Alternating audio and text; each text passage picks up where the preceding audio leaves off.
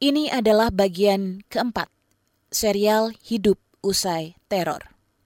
Kali ini kami berjumpa Fajar, satu-satunya terpidana terorisme di penjara anak.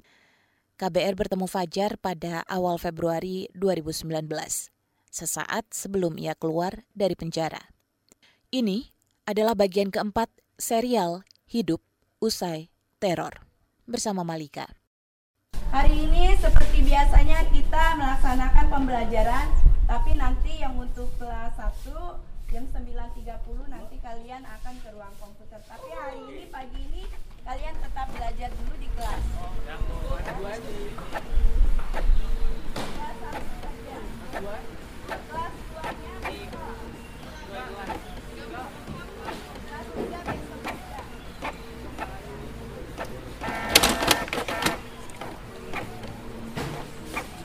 Printer di atas meja kerja Wiki Yan Maharyani berderit. Surat penelitian masyarakat, Litmas Kementerian Hukum dan HAM, dan 10 halaman analisanya keluar dari sana. Ini salah satu dokumen untuk membebaskan tahanan anak.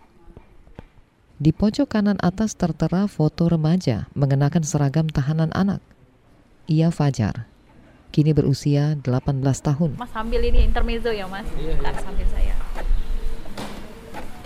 Ketika berusia 15 tahun, Fajar difonis bersalah karena dianggap membantu pelarian salah satu penyerang pos polisi lalu lintas di Indramayu, Jawa Barat. Kalau mama di sini mah biasa mas kalau anaknya keluar ditangisin. ya kan kita udah hidup sama-sama gitu ya mas ya. Udah apa ya kami mas sama anak-anak ini udah kayak anak-anak ya udah kayak anak-anakan sendiri ya kadang-kadang ya dimarahin tapi mereka juga yang nggak dendam gitu Wiki mendampingi Fajar selama dua tahun. Sejak itu keduanya dekat. Wiki memanggil Fajar dengan sebutan Ade. PNS di penjara anak Tangerang ini melihat perubahan positif pada remaja yang sempat mondok di pesantren Ansarullah di Ciamis, Jawa Barat. Ini adalah pesantren pimpinan Fauzan Al-Ansori tokoh lama gerakan jamaah Islamiyah. Awal masuk memang mas di kami kan ada upacara bendera mas setiap hari Senin karena kan kami ada sekolah ya. Ya emang si anak ini nggak mau hormat kayak gitu kan. E, dan di awal emang anak ini banyak manipulasinya lah kayak gitu. Dan dengan kami juga di sini ngobrol tentang pemahaman jihad segala macam ya memang si anak ini sudah mengarah ke sana. Maksudnya ke arah radikal dan menurut saya untuk ukuran anak seusia dia pengetahuannya tentang yang pemahaman-pemahaman seperti itu tuh sudah sudah jauh lah gitu ya mas. Ya jangan iri, jangan iri. Ah. Di luar ruangan Wiki, Fajar terlihat mondar-mandir. Ia menyalami dan memeluk satu persatu kawan sesama narapidana. Saling memberi kata perpisahan. Farhan berbagi sel dengan Fajar di Blok B3. Pamitan, kayak bilang gitu. Semoga dapat keringanan katanya bisa cepat pulang katanya, biar bisa main lagi. Iya, anak saya di dalam. Kamar Kapan? Dia. Kapan? Oh, kamar.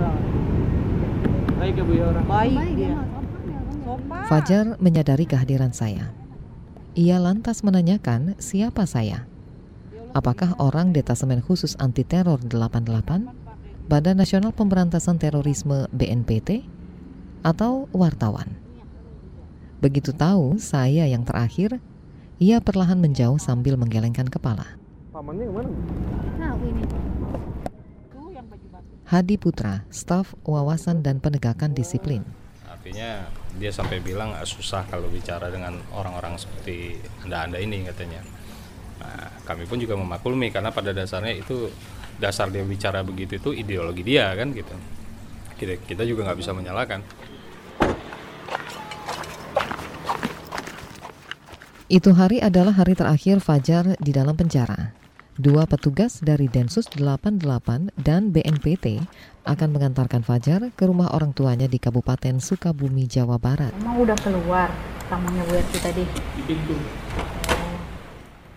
Ini pesan perpisahan Wiki untuk sang adik, Fajar. Dulu, kamu masih anak yang baru remaja saya bilang. Di mana memang e, kamu akan lebih pro ke kelompok gitu kan daripada ke orang tua. Karena menurut dia kalau si ibunya nggak pro dengan dia ikut yang kayak gitu ya mas. Nah tapi di saat sekarang kamu sudah dewasa saya bilang. Usiamu sudah 18 tahun udah 19 tahun. Dan hidup kamu harus kamu punya keputusan. Nggak bisa kamu ikut kelompok oh ikut kelompok. Enggak kamu sudah punya pendirian. Dan di esoknya dia kembali nemuin saya. Dia bilang ibu saya kok mikirin ya ibu ngomong kayak gitu tentang usia saya kata dia gitu. Berarti menurut ibu tuh sebaiknya anak usia saya tuh apa yang harus saya lakukan kayak gitu kan ya saya bilang kamu harus sudah punya rencana masa depan kamu gitu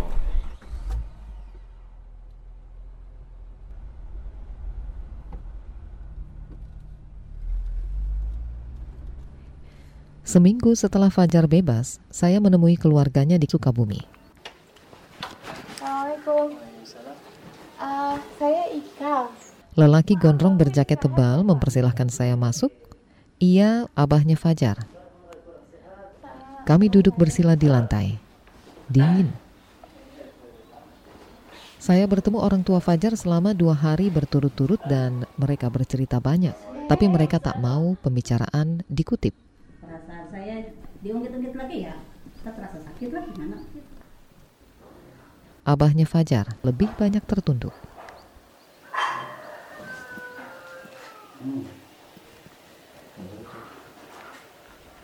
Sesekali menengadah ke langit-langit ruang tamu.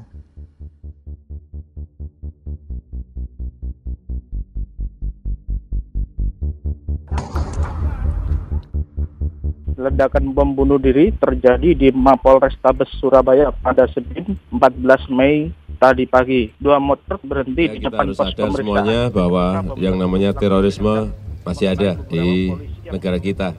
Oleh sebab itu, saya minta seluruh masyarakat ikut bekerjasama dengan aparat untuk menyelesaikan masalah ini. Pemerintah saya kira sudah melakukan pendekatan. Fajar ditangkap pada 13 Februari 2016. Saat itu ia berusia 15 tahun. Ia dianggap membantu pelarian Humaydi yang terlibat penyerangan pos polisi lalu lintas di Indramayu, Jawa Barat. Dalam suatu pertemuan, Humaydi menitipkan busur panah, rencang, dan besi tajam kepada Fajar. Fajar merasa iba dan menerima titipan Humaydi. Ia lantas ditangkap Densus 88 di Ciamis. Sejak vonis tiba, Fajar menghabiskan tiga tahun masa remajanya di penjara.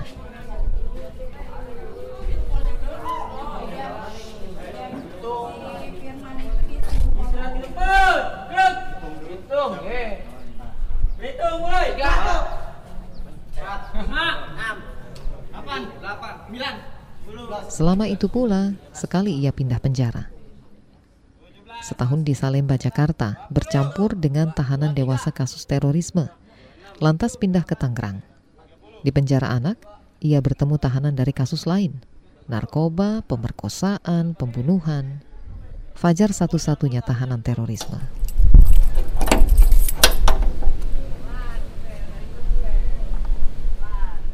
Saya sempat bertemu Fajar di ambang pembebasannya Februari 2019 silam. Ini tempat tempat paling berharga banget lah kasarnya enak banget tempat sini buat buat belajar hidup lah pokoknya di sini dibimbing kita dari yang tadinya malas bandel atau sebagai ya kita bisa lihat kehidupan sebenarnya kayak gimana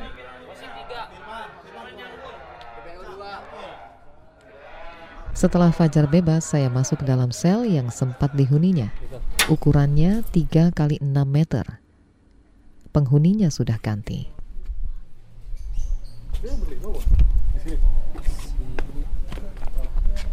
Teman satu sel Fajar masih di sana. Namanya Galih, terpidana pembunuhan kasus tawuran antar sekolah.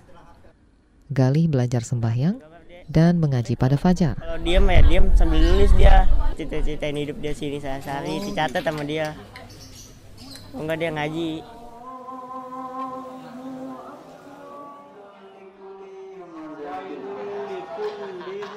Di luar penjara, orang tua Galih senang karena sekarang anaknya setiap hari baca Al-Quran.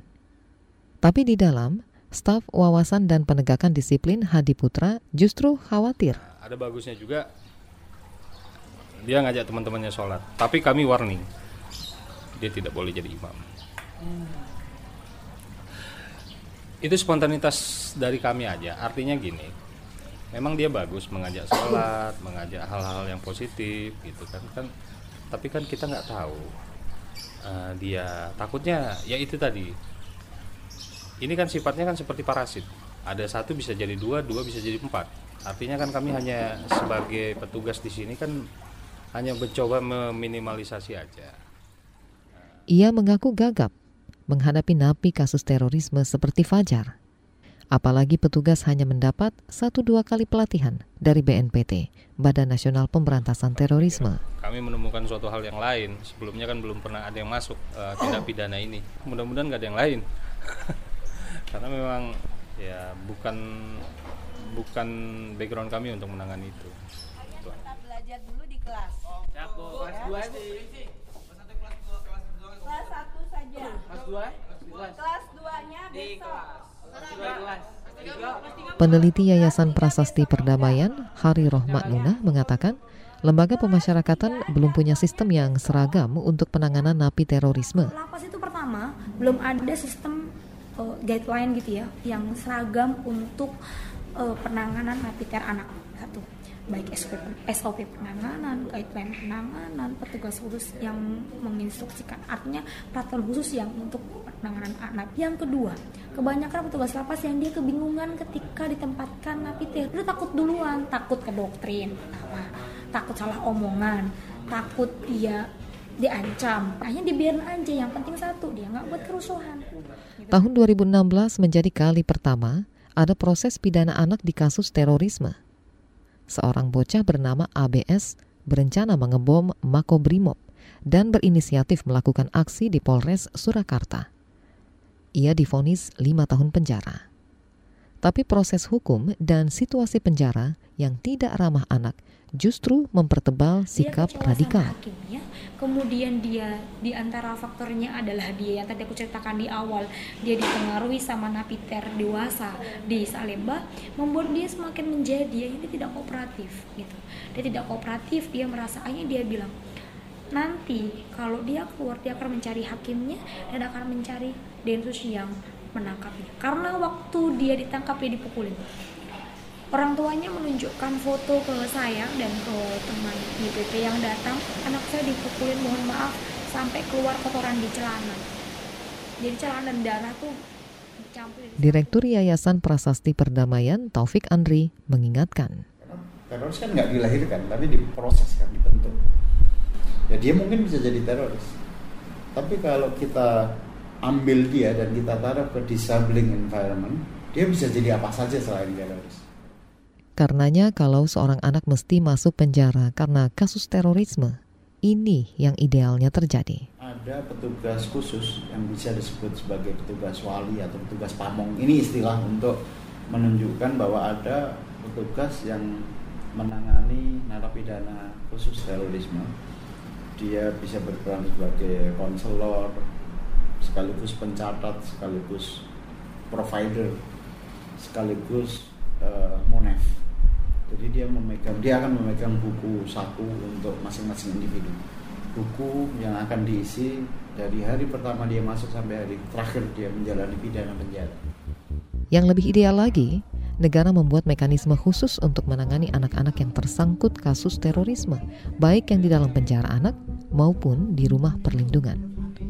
Dan kita tahu, itu belum ada.